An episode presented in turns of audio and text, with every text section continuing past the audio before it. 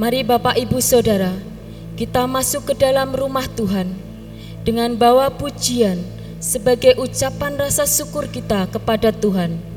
Mari kita memuji Tuhan. Kami membawa pujian.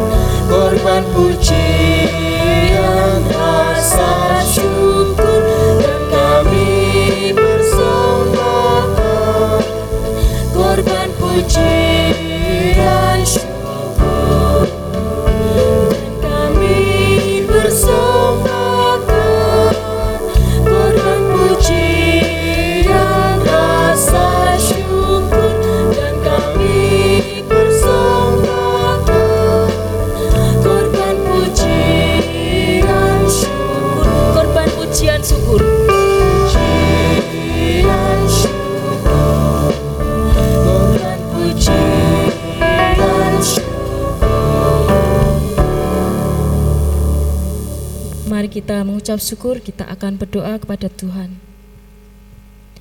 Tuhan Yesus, kami datang Tuhan, membawa pujian kami. Pakailah mulut kami ya Tuhan, pakailah hati kami, pikiran kami, untuk selalu memuliakan Engkau ya Tuhan. Penuhi kami dengan kuasamu, sehingga pandangan kami Tuhan hanya tertuju kepadamu. Ampuni Tuhan atas kesalahan dan kekurangan kami. Layakanlah kami untuk menghadap kehadiratmu. Terima kasih Tuhan Yesus atas penyertaan-Mu di sepanjang hidup kami. Inilah doa dan permohonan pengucapan syukur kami. Kami naikkan hanya di dalam nama Tuhan Yesus Kristus. Terima kasih ya Tuhan. Haleluya. Amin.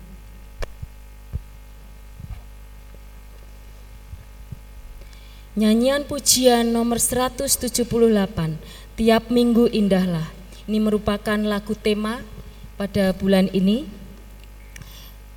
Bulan berganti bulan dan sabat berganti sabat. Maka seluruh umat manusia akan datang untuk sujud menyembah di hadapanku firman Tuhan. Mari Bapak Ibu kita akan berdiri, kita akan memuji Tuhan. Tiap minggu indahlah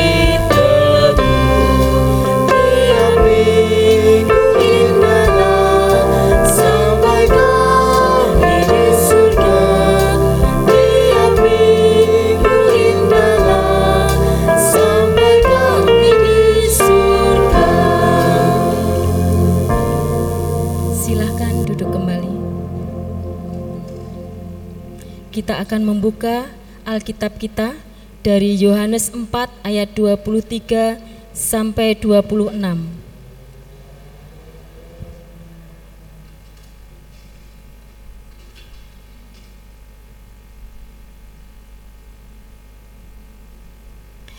Yohanes 4 ayat 23 sampai 26. Saudari Joas dan Saudari Osa akan membacakan secara silih berganti. Yohanes 4 ayat 23 Tetapi saatnya akan datang dan sudah tiba sekarang bahwa penyembah-penyembah benar akan menyembah Bapa dalam roh dan kebenaran sebab Bapa menghendaki penyembah-penyembah demikian. Allah itu roh dan barang siapa menyembah dia harus menyembahnya dalam roh dan kebenaran. Jawab perempuan itu kepadanya, Aku tahu bahwa Mesias akan datang, yang disebut juga Kristus. Apabila ia datang, ia akan memberitakan segala sesuatu kepada kami. Kata Yesus kepadanya, Akulah dia yang sedang berkata-kata dengan engkau. Amin. Haleluya. Keselamatan dan kemuliaan dan kekuasaan adalah pada Allah kita. Mari kita memuji Tuhan nomor 37. Hei Kristen pujilah. Pujian ini sebagai persiapan penyerahan persembahan dan perpuluhan kita. Silakan petugas kolektan untuk mempersiapkan diri.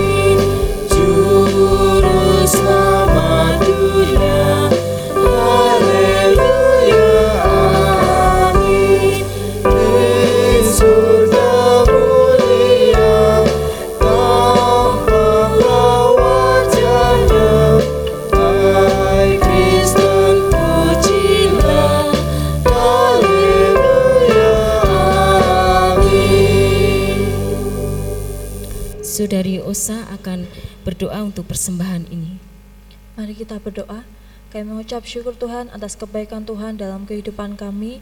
Kami bersyukur diberi kesempatan untuk kami boleh memuji, memuliakan namamu Tuhan pada pagi hari ini.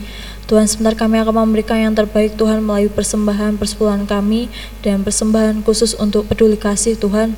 Biarlah apa yang kami berikan boleh menjadi berkat bagi lingkungan kami, bagi gereja kami, dan bagi semuanya Tuhan. Terima kasih Tuhan Yesus kami mau menyerahkan persembahan persepuluhan ini ke dalam tangan kuasamu. Haleluya. Amin.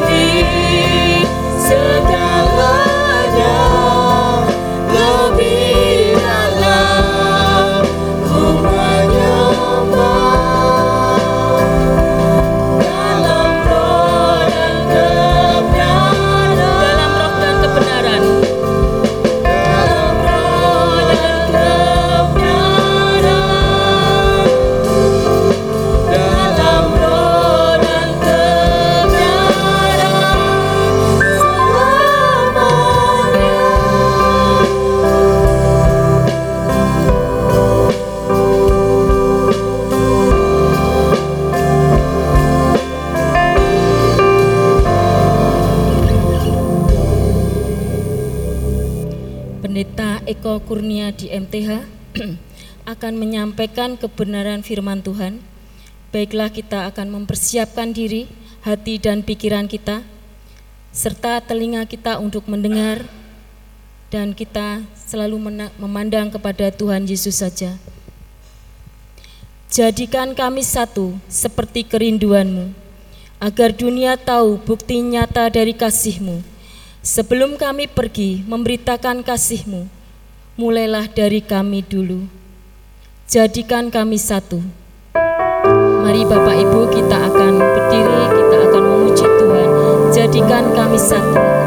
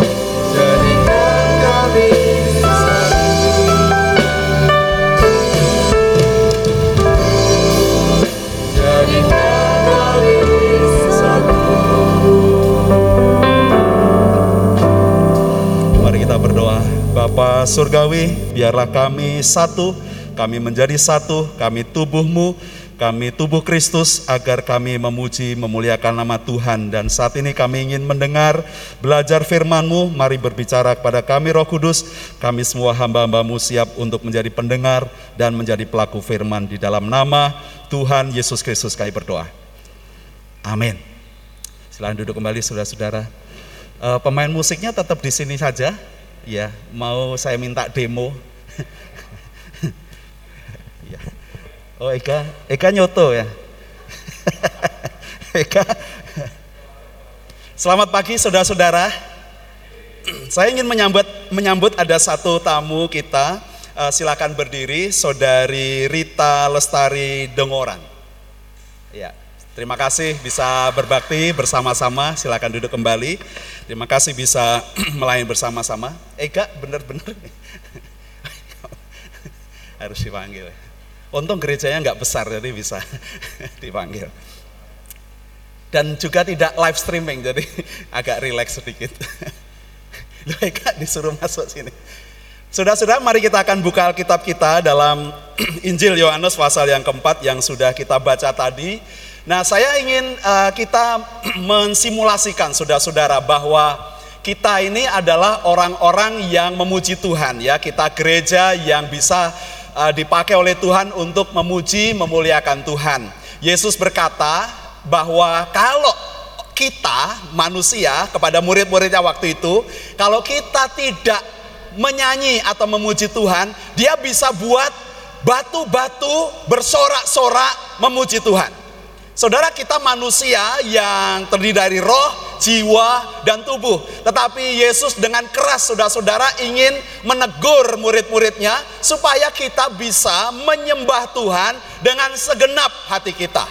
Nah, kalau kita memuji Tuhan, kita eh, tadi di kelas atau di komsel kita kita belajar juga tentang memuji Tuhan, tentang menyembah Tuhan. Cocok untuk kita selama bulan ini kita merenungkan tentang ibadah penyembahan kita kepada Tuhan. Nah, kalau saudara misalnya tadi dalam diskusi kami, kami berpikir ada orang yang ibadahnya anteng, ya diem aja.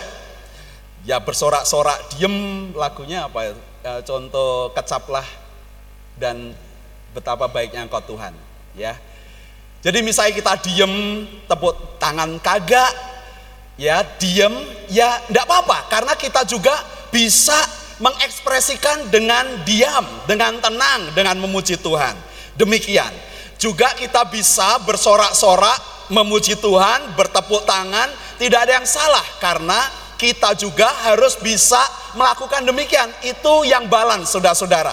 Gereja-gereja baptis dikenal sebagai gereja-gereja yang tanpa tepuk tangan. Tidak ada yang salah.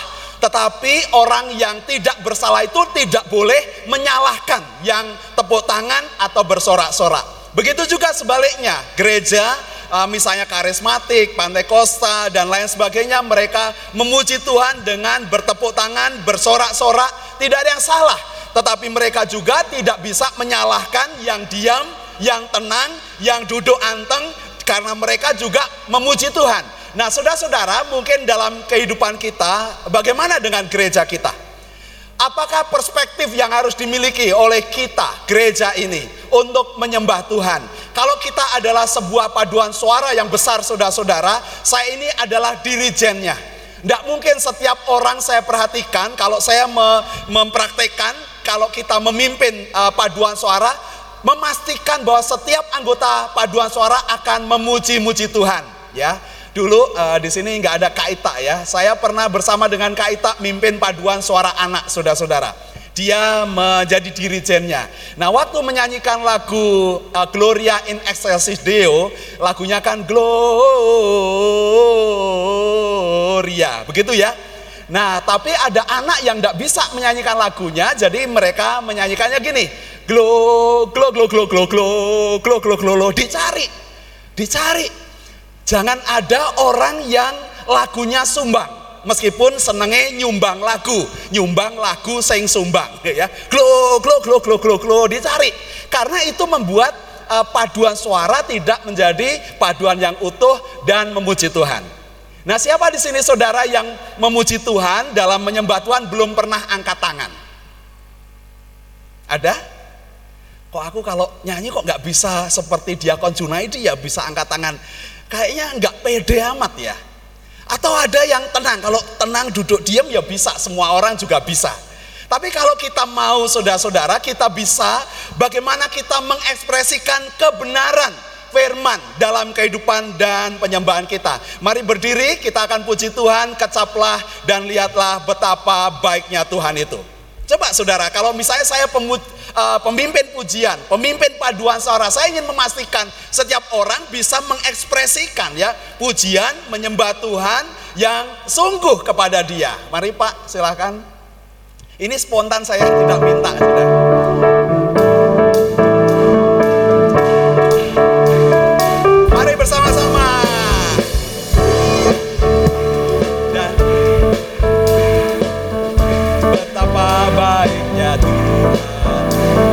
Tepuk tangan, bisa saudara. Berikan hidup Anda. Tuhan senang apa yang disenangkan oleh Tuhan hidup kita. Dan lihatlah betapa baiknya Tuhan itu. Rasakan dan nikmati kasih setia Tuhan.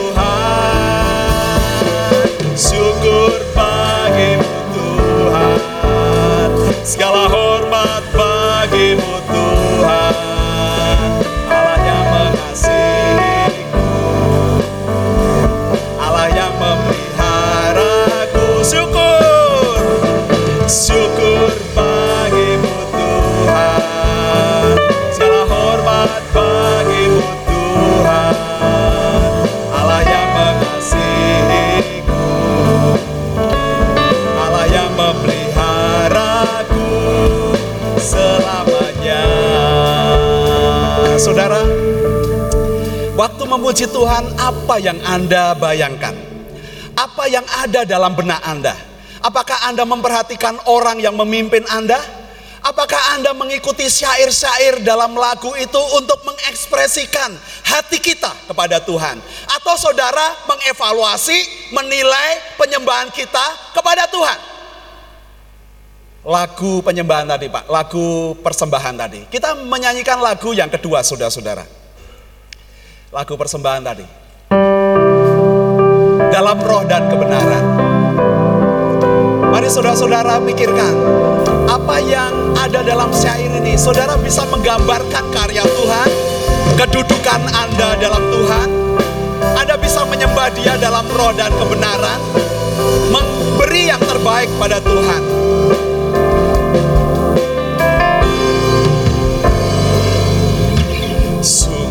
Besar setiamu.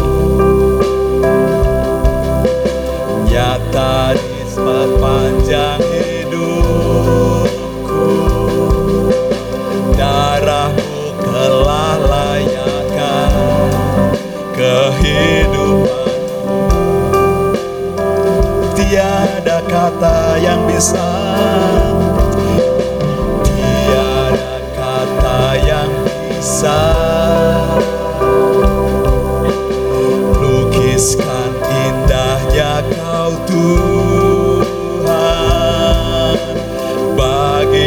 segala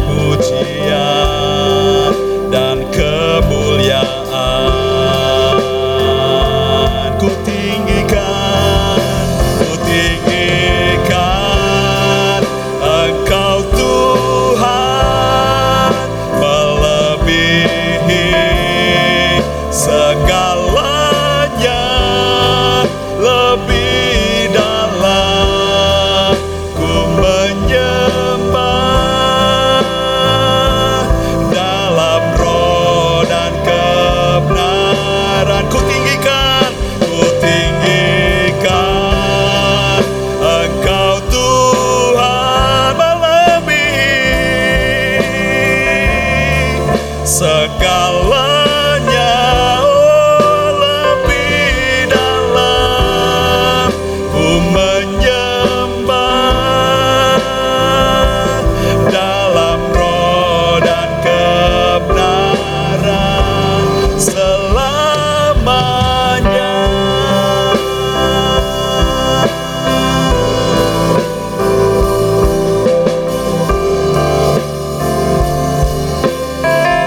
lagi ku tinggikan, ku tinggikan Engkau Tuhan melebihi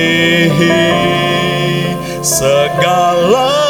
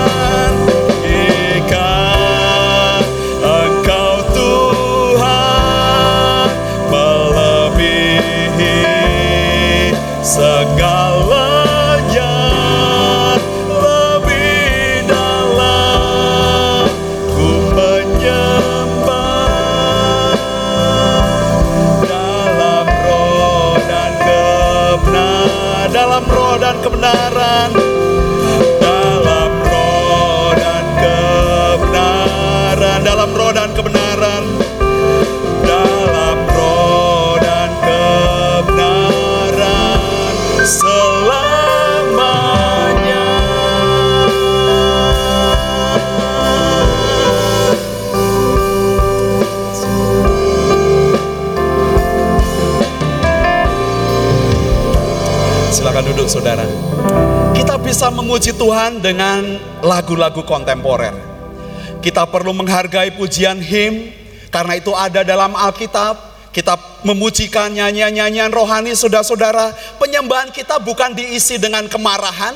Penyembahan kita bukan diisi dengan sikap hati yang malas, sikap hati yang eh, lemah. Kita juga bisa menyembah Tuhan dengan tanpa ada harapan, tanpa ada kehidupan, kita menjadi penyembah-penyembah yang mati, saudara-saudara. Kita juga tidak merasakan penyembahan sebagai ekspresif karena kita melakukan dengan legalisme, dengan aturan-aturan, dengan tradisi yang tidak berasal dari firman. Orang lebih condong kepada prinsip-prinsip yang tidak benar. Terima kasih bisa duduk kembali. Penyembahan kita saudara-saudara, apakah penyembahan kita merupakan aktivitas memuliakan Tuhan? Sekalipun mungkin saudara tidak tahu lagu-lagu yang kita nyanyikan, tidak semua orang hafal juga tahu lagu him, tidak semua orang juga ngerti lagu kontemporer.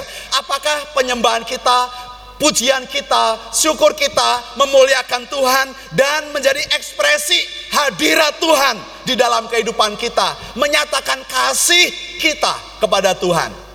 Lagu hymns tema kita setiap minggu indahlah untuk kita memuji Tuhan, kita mencari berkat Tuhan, tidak ada yang salah. Bagaimana kita menyanyikan karena tidak semua orang bisa tahu, tetapi apakah itu menjadi lagu hati Anda untuk memuji Tuhan? Apakah lagu-lagu yang kita nyanyikan menjadi lagu pujian ekspresi dari hati saya untuk menyembah Tuhan? Apakah syair-syairnya menolong saya untuk berfokus kepada Tuhan? Sementara saya bisa nyanyi suci, suci, suci, suci, tetapi pikiran saya ke mana-mana. Kita tidak mengikuti syair-syair yang kita nyanyikan. Bagaimana kita bisa menyembah dalam roh dan kebenaran? Ada gereja yang menafsirkan tentang penyembahan dalam roh harus bisa berbahasa roh. Tidak, saudara-saudara. Tidak benar tentang itu. Tetapi memang kita manusia roh, kita bisa menyembah Tuhan, tapi dalam roh dan kebenaran. Kita manusia yang utuh, saudara-saudara. Kita mengekspresikan langsung tujuan-tujuan ilahi yang Tuhan mau beri dalam kehidupan kita, dalam kehidupan pelayanan kita, termasuk di dalam menyembah Tuhan. Yang ketiga tentang penyembahan adalah bagaimana kita uh, me- mendisplay, menampilkan apa-apa yang kita percayai.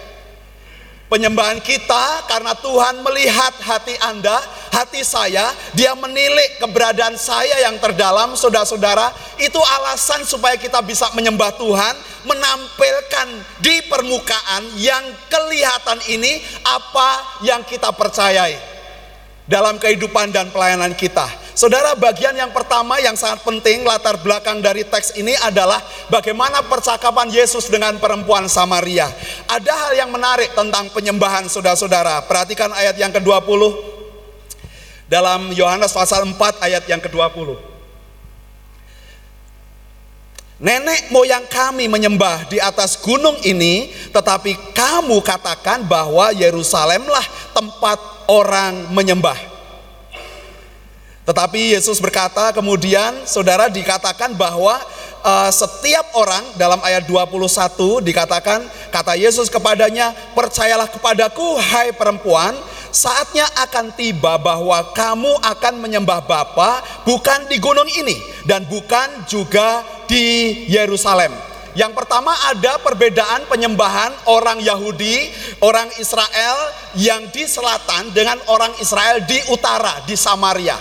Yesus waktu bercakap dengan perempuan ini, perempuan ini berkata, "Bukankah kamu orang Yahudi? Kenapa kamu bergaul, bercakap dan minta minum kepadaku?" Itu ayat yang sebelumnya. Ayat yang keempat dikatakan Yesus harus melintasi daerah Samaria, harus melintasi padahal orang Samaria tidak bergaul dengan orang Yahudi. Mereka musuhan saudara-saudara. Orang Yahudi memandang rendah orang-orang Samaria, orang-orang Israel Utara.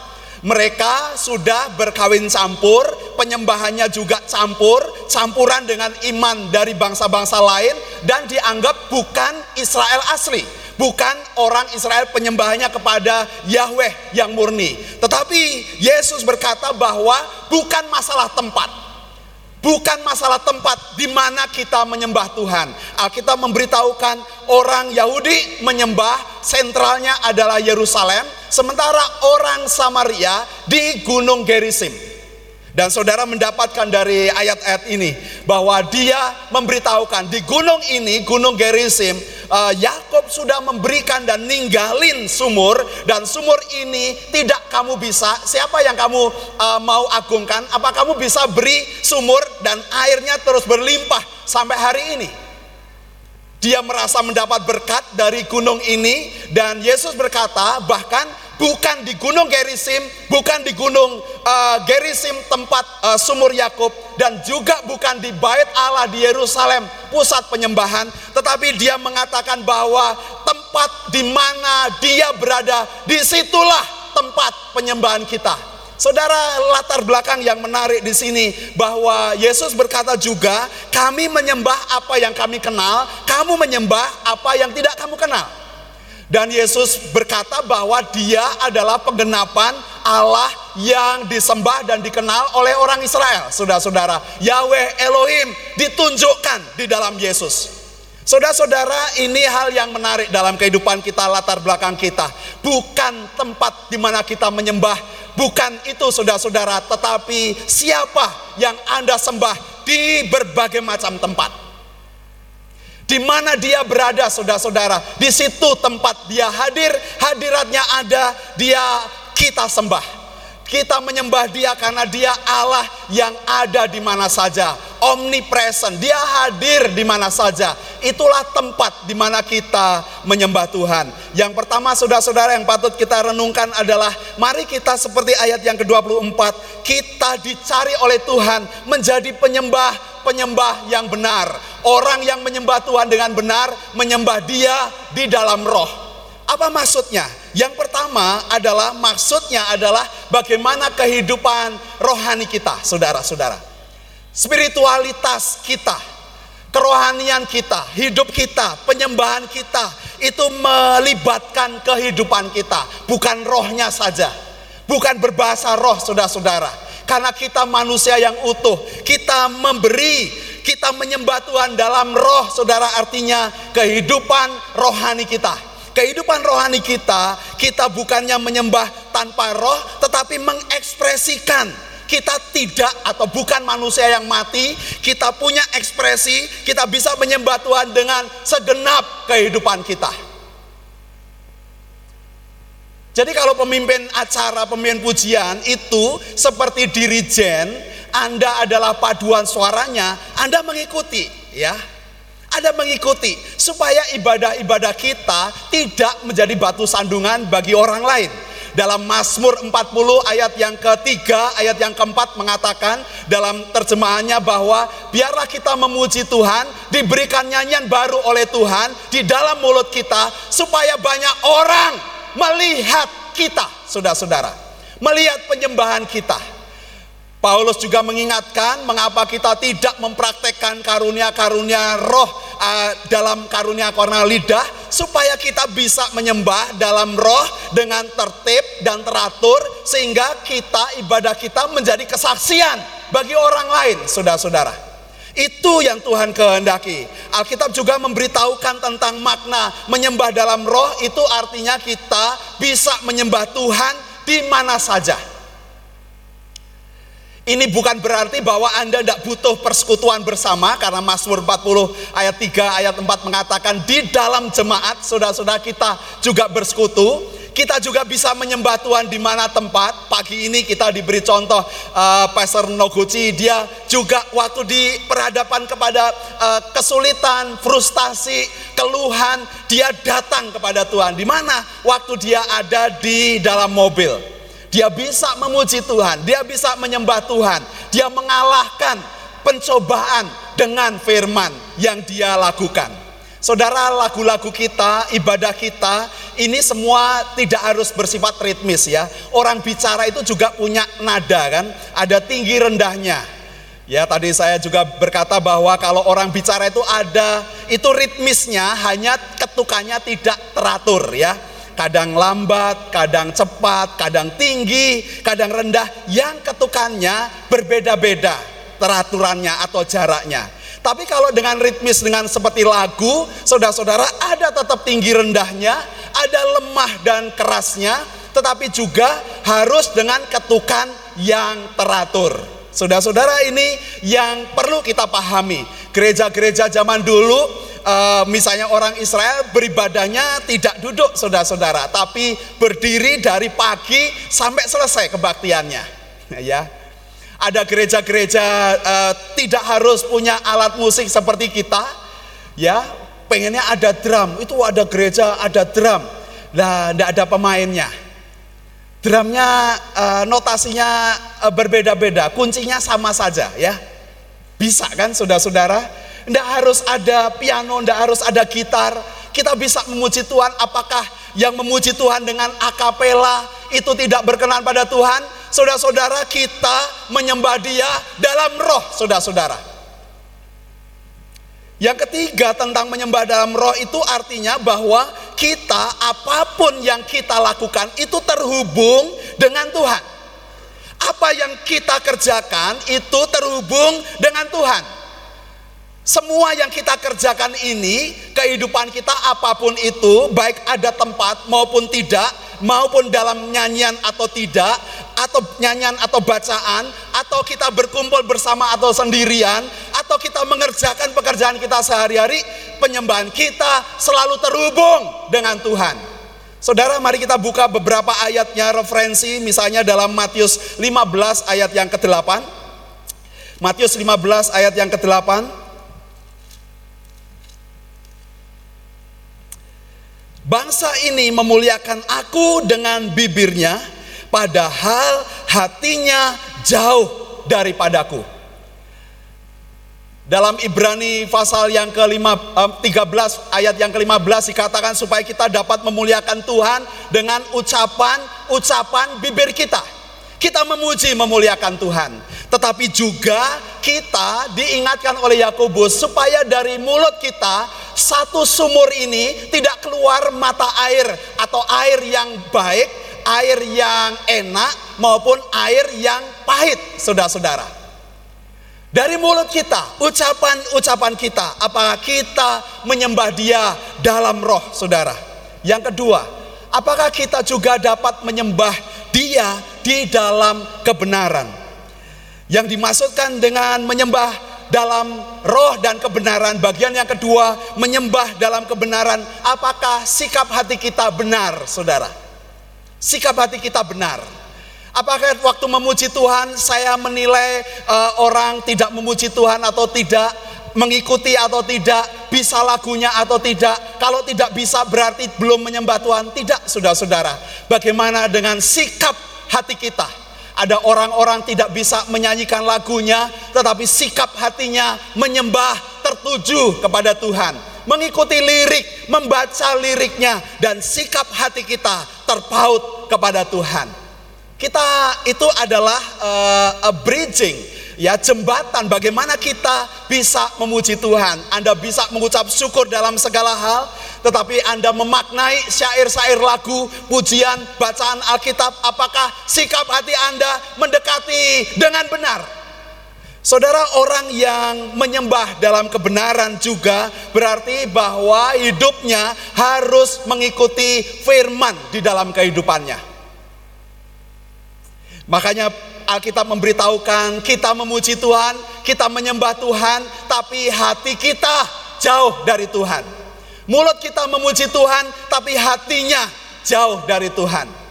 Maka Yesus mengingatkan orang-orang yang mau beribadah, ah, kamu harus menyelesaikan masalahmu dengan saudaramu, cuci tanganmu, basuh engkau, tangan, kakimu, semua, baru setelah selesai kamu kembali datang menyembah Tuhan. Saudara, masalah kita banyak di dalam luaran ini, tetapi kalau kita terhubung dengan roh yang menyembah, Anda akan terhubung dengan semua yang kita lakukan tapi kalau kita mau bekerja menyembah Tuhan dengan kebenaran, Anda harus belajar mengikuti firman Tuhan dalam hidup Anda. Menyembah dalam kebenaran, tidak ada kebenaran di luar Tuhan Yesus Kristus. Yohanes 14 ayat yang ke-6 Yesus berkata, "Akulah jalan dan kebenaran dan hidup." Dia adalah sumber kebenaran. Dia adalah otoritas kebenaran bagi kita jemaatnya. Setiap Anda apakah hidup Anda diatur oleh firman Tuhan? Apakah setiap hal yang kita lakukan dalam kebersamaan juga dikerjakan dengan menyembah menuruti firman Tuhan? Bersumber kepada Kristus. Saudara-saudara, uh, mari kita buka di dalam Kolose pasal yang ketiga. Kolose pasal yang ketiga ayat yang ke-16 17. Ayat ini dengan tepat menggambarkan tentang uh, menyembah roh di dalam kebenaran ya. Hendaklah perkataan Kristus ya dalam Kristus diam dengan segala kekayaannya di antara kamu. Sehingga kamu dengan segala hikmat mengajar dan menegur seorang akan yang lain dan sambil menyanyikan mazmur dan puji-pujian dan nyanyian rohani kamu mengucap syukur kepada Allah di dalam hatimu dan segala sesuatu yang kamu lakukan dengan perkataan atau perbuatan, lakukanlah semuanya itu dalam nama Tuhan Yesus sambil mengucap syukur oleh Dia kepada Allah Bapa kita. Saudara, inilah menyembah di dalam kebenaran. Bagaimana dengan kita, saudara-saudara? Apakah kita menyembah Tuhan dengan benar? Yaitu orang-orang yang menyembah Tuhan dengan benar. Dia mencari penyembah-penyembah itu, saudara-saudara. Dia mencari orang-orang yang menyembah Tuhan dengan roh atas dasar roh yang sudah dilahirkan kembali, roh yang baru dan hidup yang disertai, didasari oleh kebenaran di dalam firman. Itulah penyembah-penyembah yang benar. Kalau tidak ada penyembah yang benar, dia akan bisa membuat batu-batu untuk berteriak bersorak-sorak memuji Tuhan. Kita lebih istimewa saudara-saudara. Kita uh, orang yang paling istimewa di hadapan Tuhan karena kita diperlengkapi dengan segala yang terbaik oleh Tuhan. Dan bagaimana kita menyembah Tuhan? Bagaimana kita mendekati Tuhan? Bagaimana kita memberi yang terbaik pada Tuhan? Mari kita akan memperbaiki cara menyembah kita, saudara-saudara, supaya kita menyembah dalam roh dan kebenaran. Mari kita berdoa.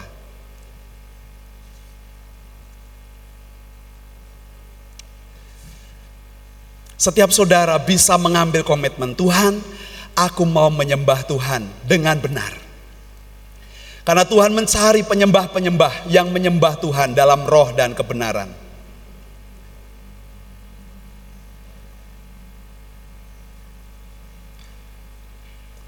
Setiap saudara-saudara bisa mohon ampun pada Tuhan. Kadang kita memuji menyembah Tuhan tetapi kita hati kita jauh daripada Tuhan. Kita melayani Tuhan, kita menyembah Tuhan, tetapi kita menyimpan dendam. ingin menyakiti orang lain. Kita tidak merasa puas, kita tidak merasa dihormati, kita merasa tidak punya peran, kita merasa bahwa kita tidak punya pelayanan, kita bukan uh, komunitas, saya orang asing, saya pendatang, sehingga saya tidak menyembah Tuhan dan menyembahnya dalam roh dan kebenaran. Mungkin ada komitmen dari saudara-saudara yang rindu, yang mau bergabung di gereja ini, disatukan di dalam jemaat ini untuk memuji menyembah Tuhan. Mungkin ada di antara saudara karena kebenaran tidak ada di dalam siapa pun saudara-saudara. Hanya ada dalam Yesus. Saudara mau percaya kepada Tuhan Yesus, berikan hidup Anda.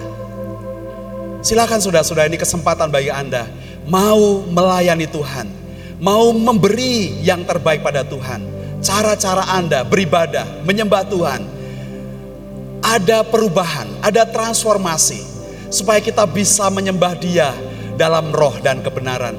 Pendeta Muda Bayu, Diakon Junaidi akan menerima saudara-saudara. Silakan, ini kesempatan yang baik untuk Anda mengambil komitmen di dalam Tuhan, dalam pelayanan kita bersama.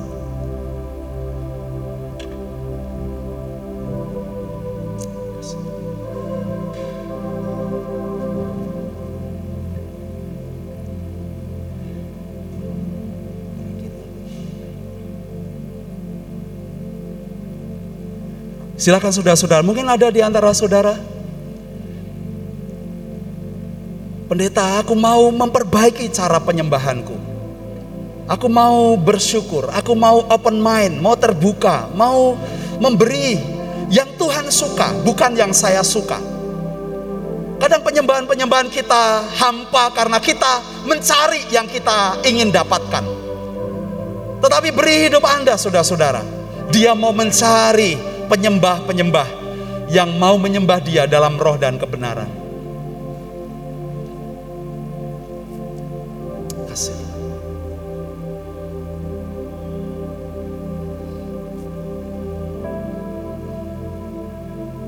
Saudara bisa membawa segudang ucapan syukur kepada Tuhan.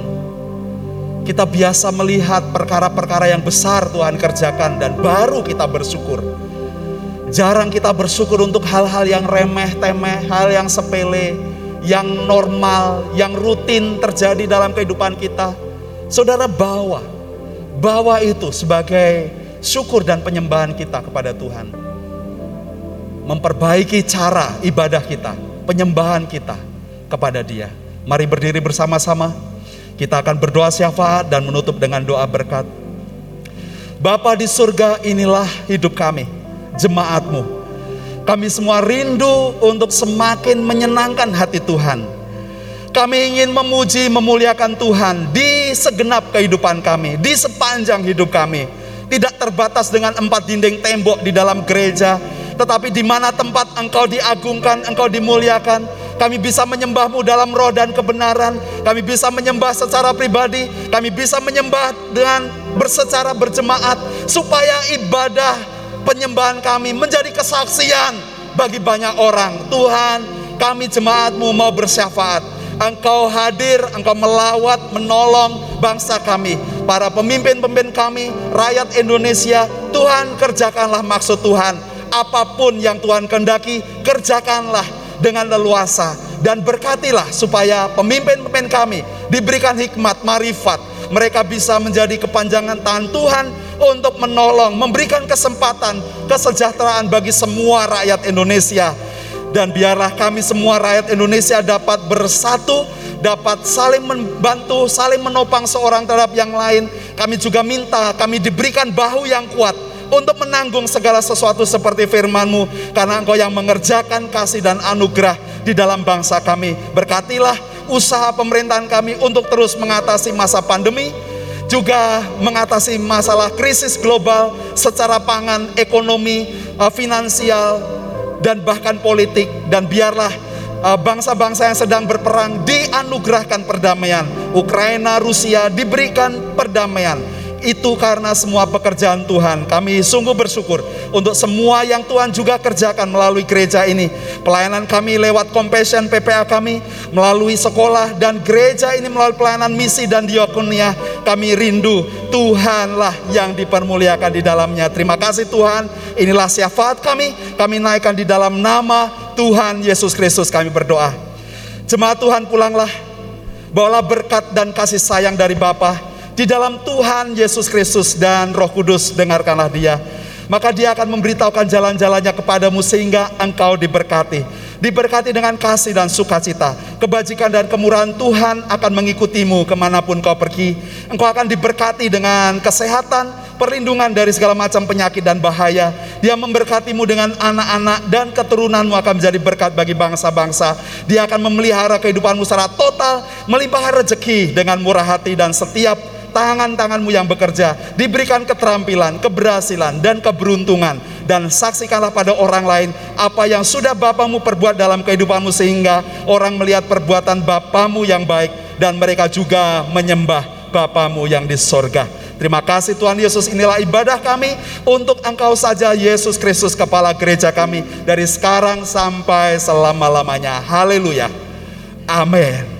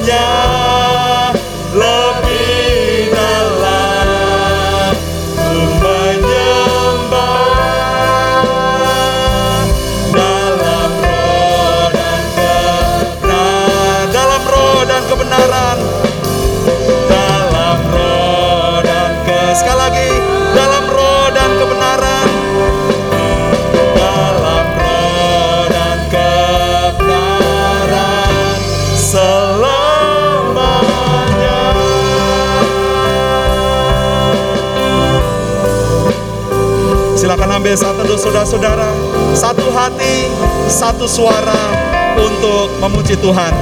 Tuhan Yesus memberkati.